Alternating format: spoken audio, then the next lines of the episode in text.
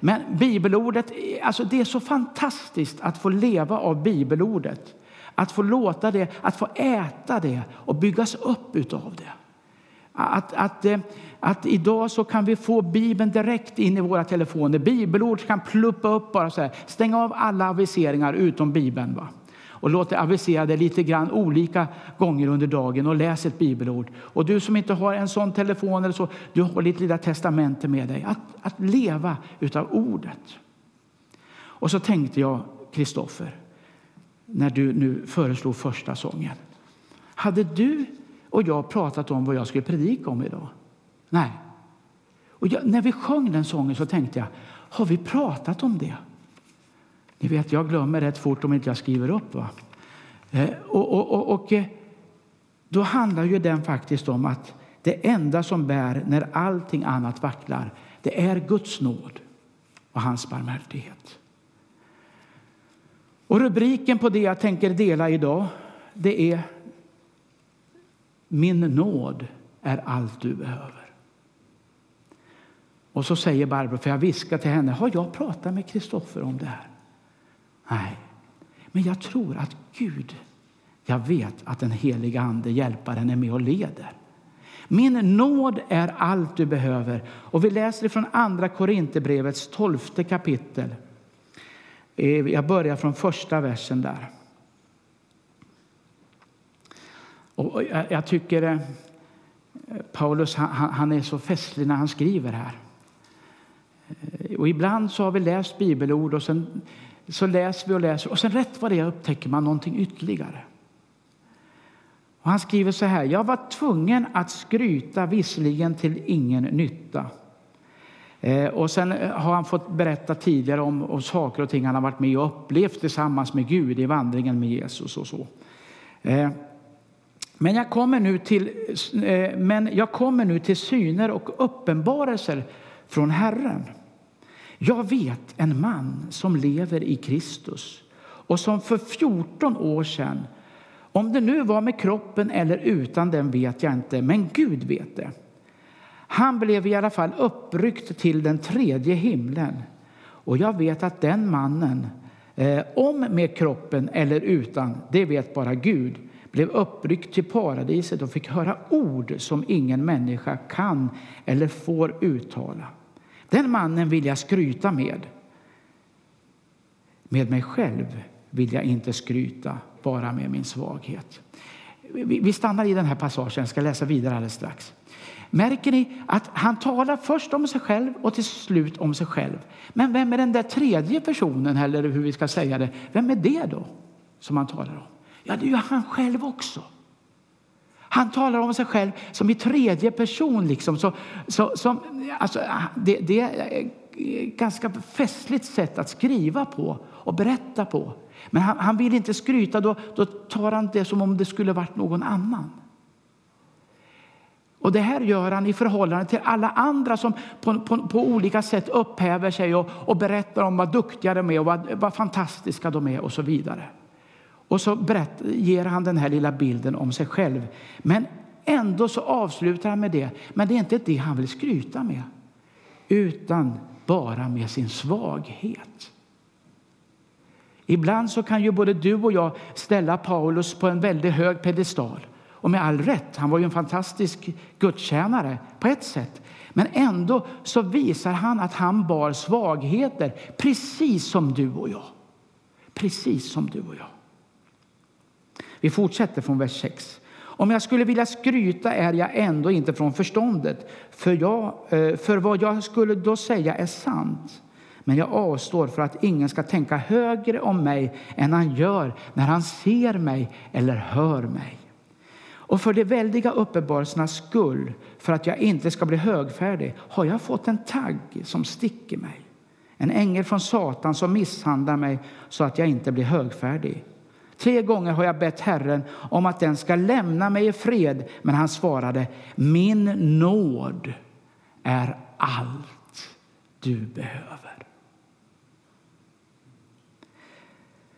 Ja, i svagheten blir kraften störst. Därför vill jag helst skryta med min svaghet så att Kristi kraft kan omsluta mig. Jag gläds åt min svaghet, förolämpningar, svårigheter, förföljelser och nöd när det är för Kristi skull. Ty när jag är svag, då är jag stark.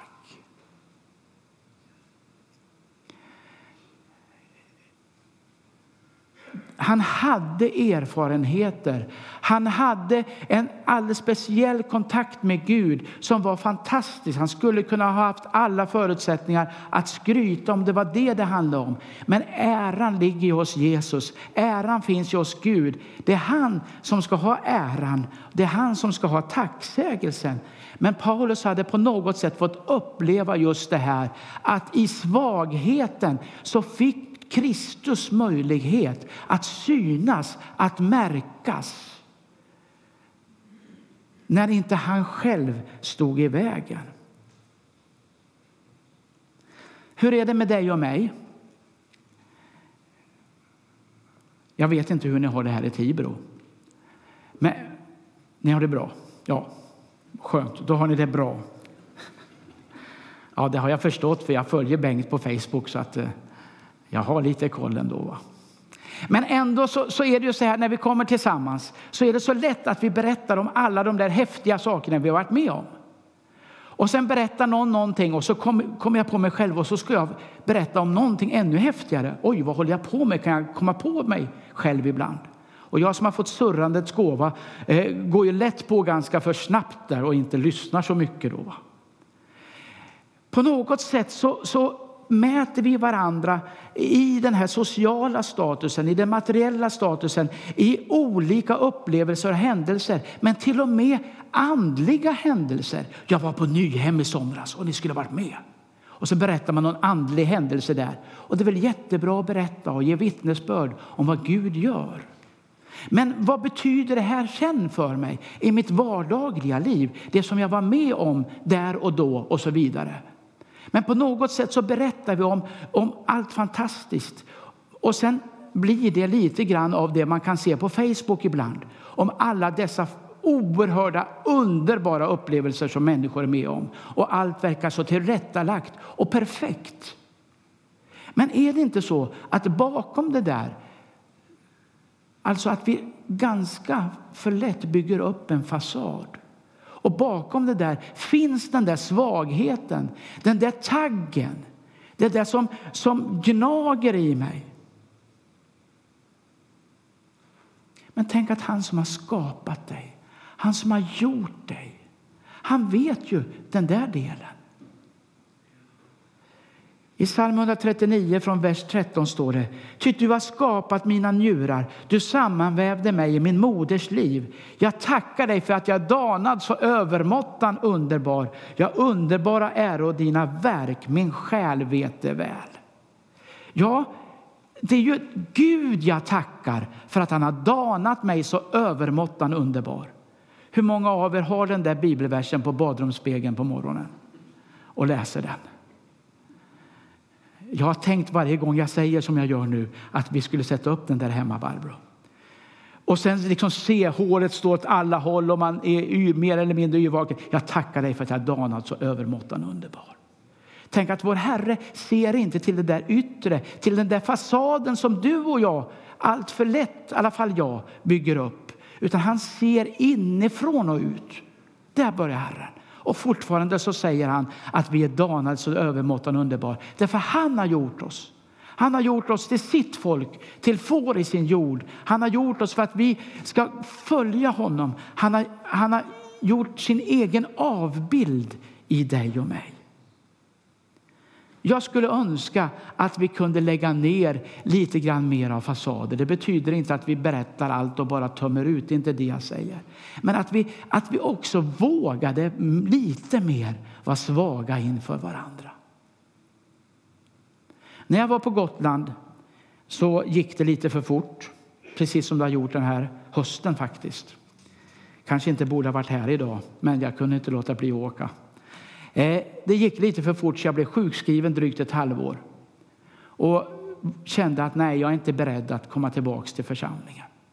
Vad har de nu för förtroende för mig när det, liksom, det har rasat, det har, det har gått sönder och, och, och, och jag, eh, ja, svagheten blev väldigt tydlig och, och så. Va? Sen föddes det allt eftersom en längtan att nej men en gång till, en gång till.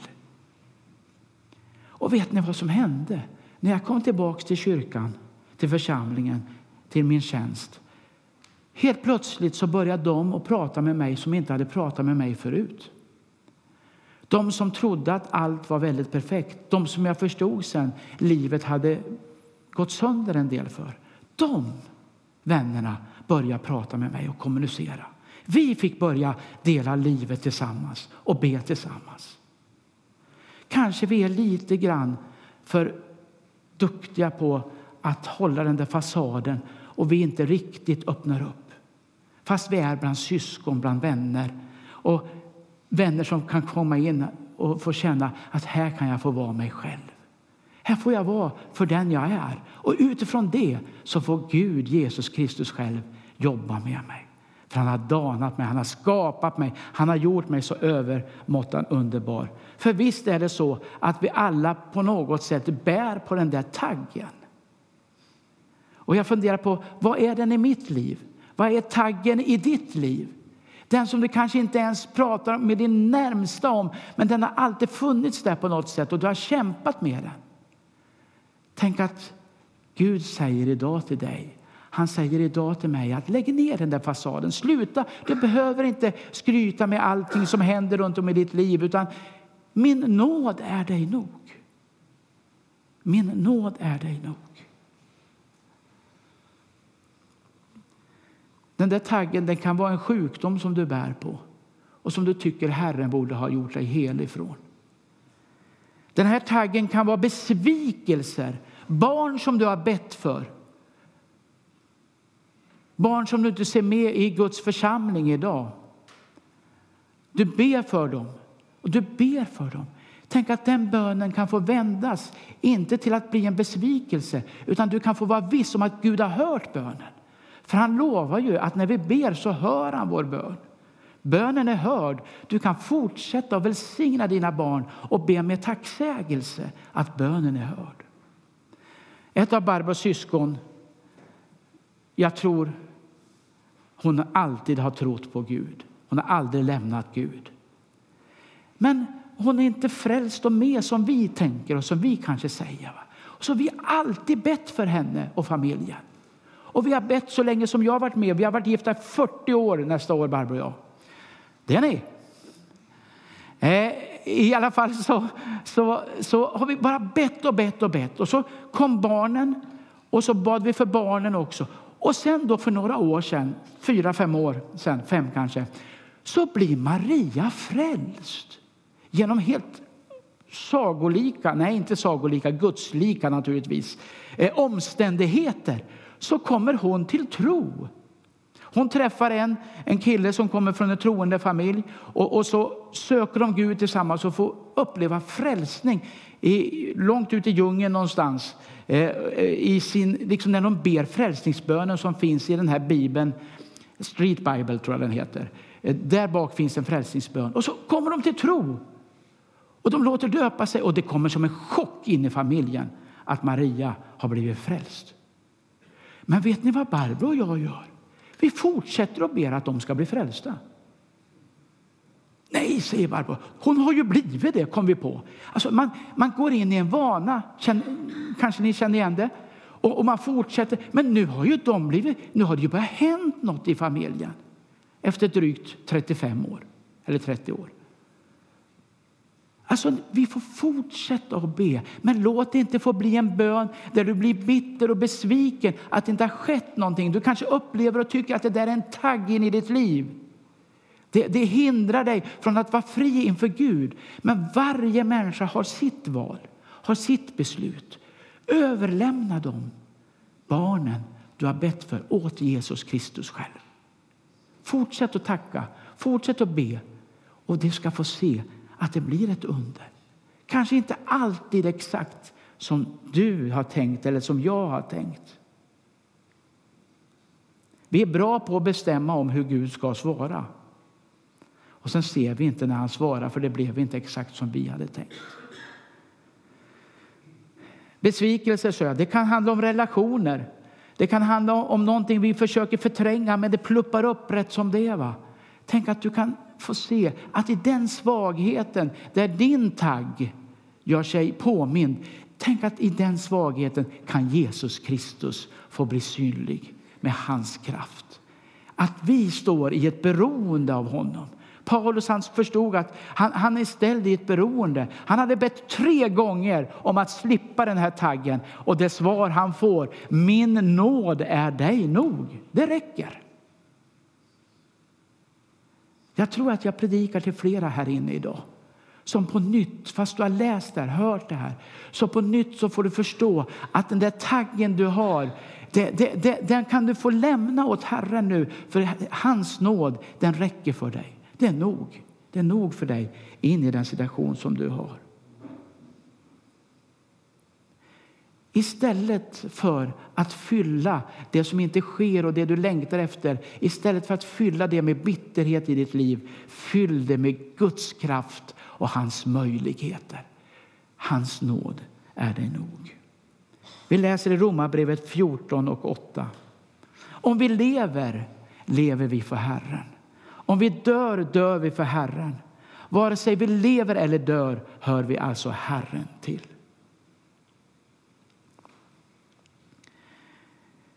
När du är svag, när jag är svag, ger jag utrymme för Guds kraft.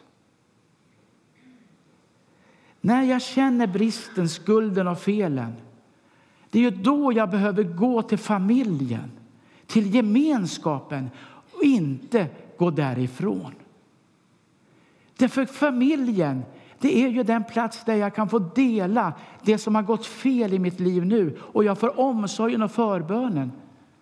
Ibland så drar sig människor undan då därför de tror inte att de duger eller räcker till. Men det är ju Guds kraft det handlar om.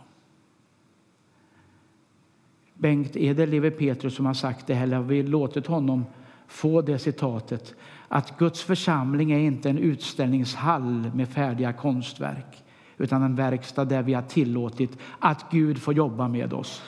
Det skulle kunna vara Levi Petrus. Ja. Eh, Alltså, det är ju ingen utställningshall, Guds församling.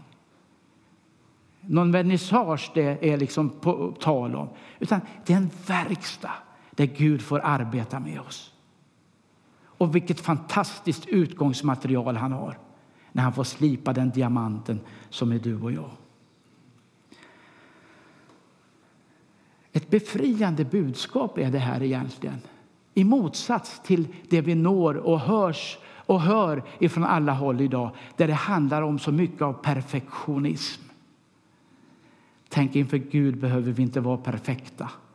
Utan när vi har blivit perfekta, då ska vi be Herren att snabbt ta hem oss.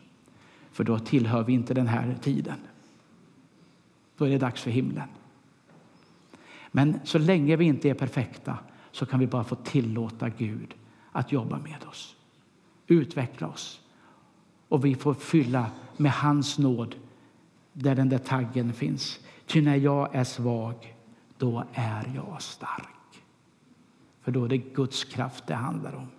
Första Johannes 4, från vers 4 framåt. Men ni, mina barn, är från Gud och ni har besegrat de falska profeterna. Ty han som är i er är större än han som är i världen. Han som är i oss, mitt i vår bräcklighet, han är större. Han får bli synlig. Han får bli den som vi visar på och visar vägen till. Han är större än den som är i världen. Min nåd är dig nog. Det enda som bär när allting annat bara brister omkring oss, så räcker hans nåd. Mm. Vad gör vi av det här nu då? Jag vet inte hur ni brukar göra i Tibro. Det är rätt skönt att inte veta sådana saker. Du får gärna säga om du tycker att predikan är bra, absolut. Men eh, framför allt, vad gör Guds ordet med oss? Vad gör Guds ordet med oss? Vad gör den här hälsningen med dig och mig idag? Här finns det vänner, här är vi vänner som har varit frälsta som vi säger det, alltså låtit Jesus vara den vi följer under lång tid, många år, kanske hela livet för många här. Några har ganska nyss börjat gå vägen. Kanske du finns här som inte än har sagt att Jesus ska få vara din Herre. Men vad gör vi med det här? Att hans nåd, att han tog allt på Golgata kors för att upprätta oss och få oss i gemenskap med Gud. På något sätt så är det på det viset att när vi läser Bibeln så vill Guds ord, så vill Gud själv att vi, att vi låter det göra någonting med oss. Och jag tror att faktiskt jag har fått den här hälsningen i höst för att dela den. Dels utifrån mitt eget liv, att få se att det inte är min prestation utan det är den kanal jag kan få vara med de gåvor, för han har välsignat oss med gåvor. Men att det är hans nåd som får vara synlig. Därför ska vi be tillsammans nu. Vi ska be tillsammans. Och antingen så kommer Barbro och jag sjunga någon mer sång sen eller vi sjunger någon, någon eh, Jesus-sång tillsammans. Och, och jag, jag, skulle vilja be för dig. Jag tycker vi kan stå upp. Jag, jag, jag tror att det här har varit en hälsning in i våra liv ifrån Jesus Kristus själv, ifrån hans ord. Jag vet att ni brukar ha en böneplats här framme, tror jag.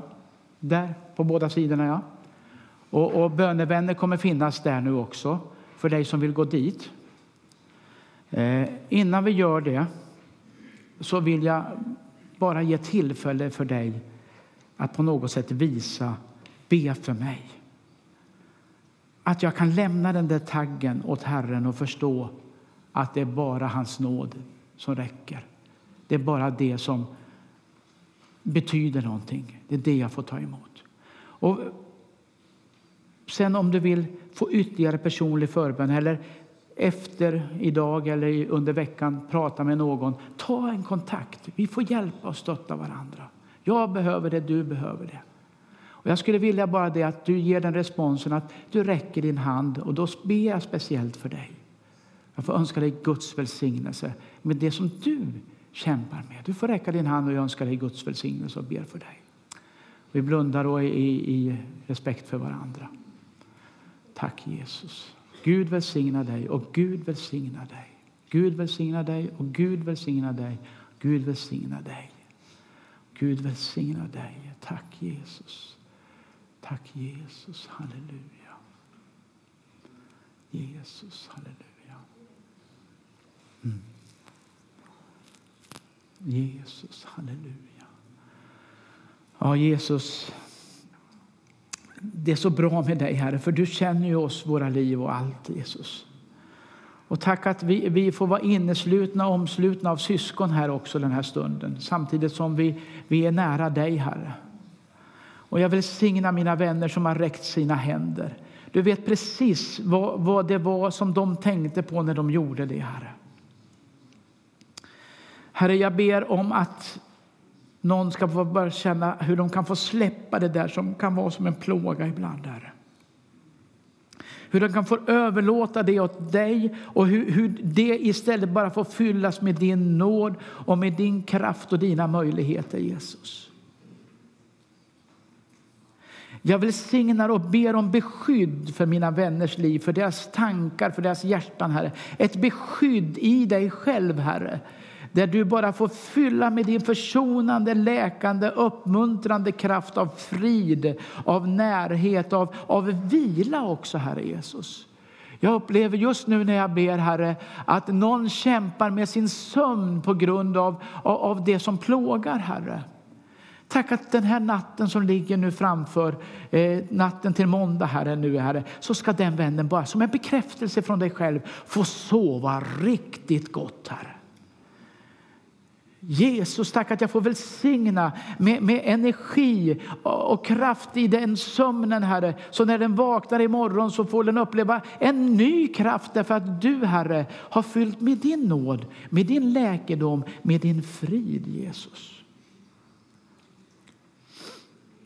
Tack, Herre, för att du ser också den situationen där det ganska nyligen gick fel Ja, du, du ber mig, jag upplever att du ber mig be på det sättet, Herre. Eh, där, där, där, det, där det gick fel, det blev inte rätt.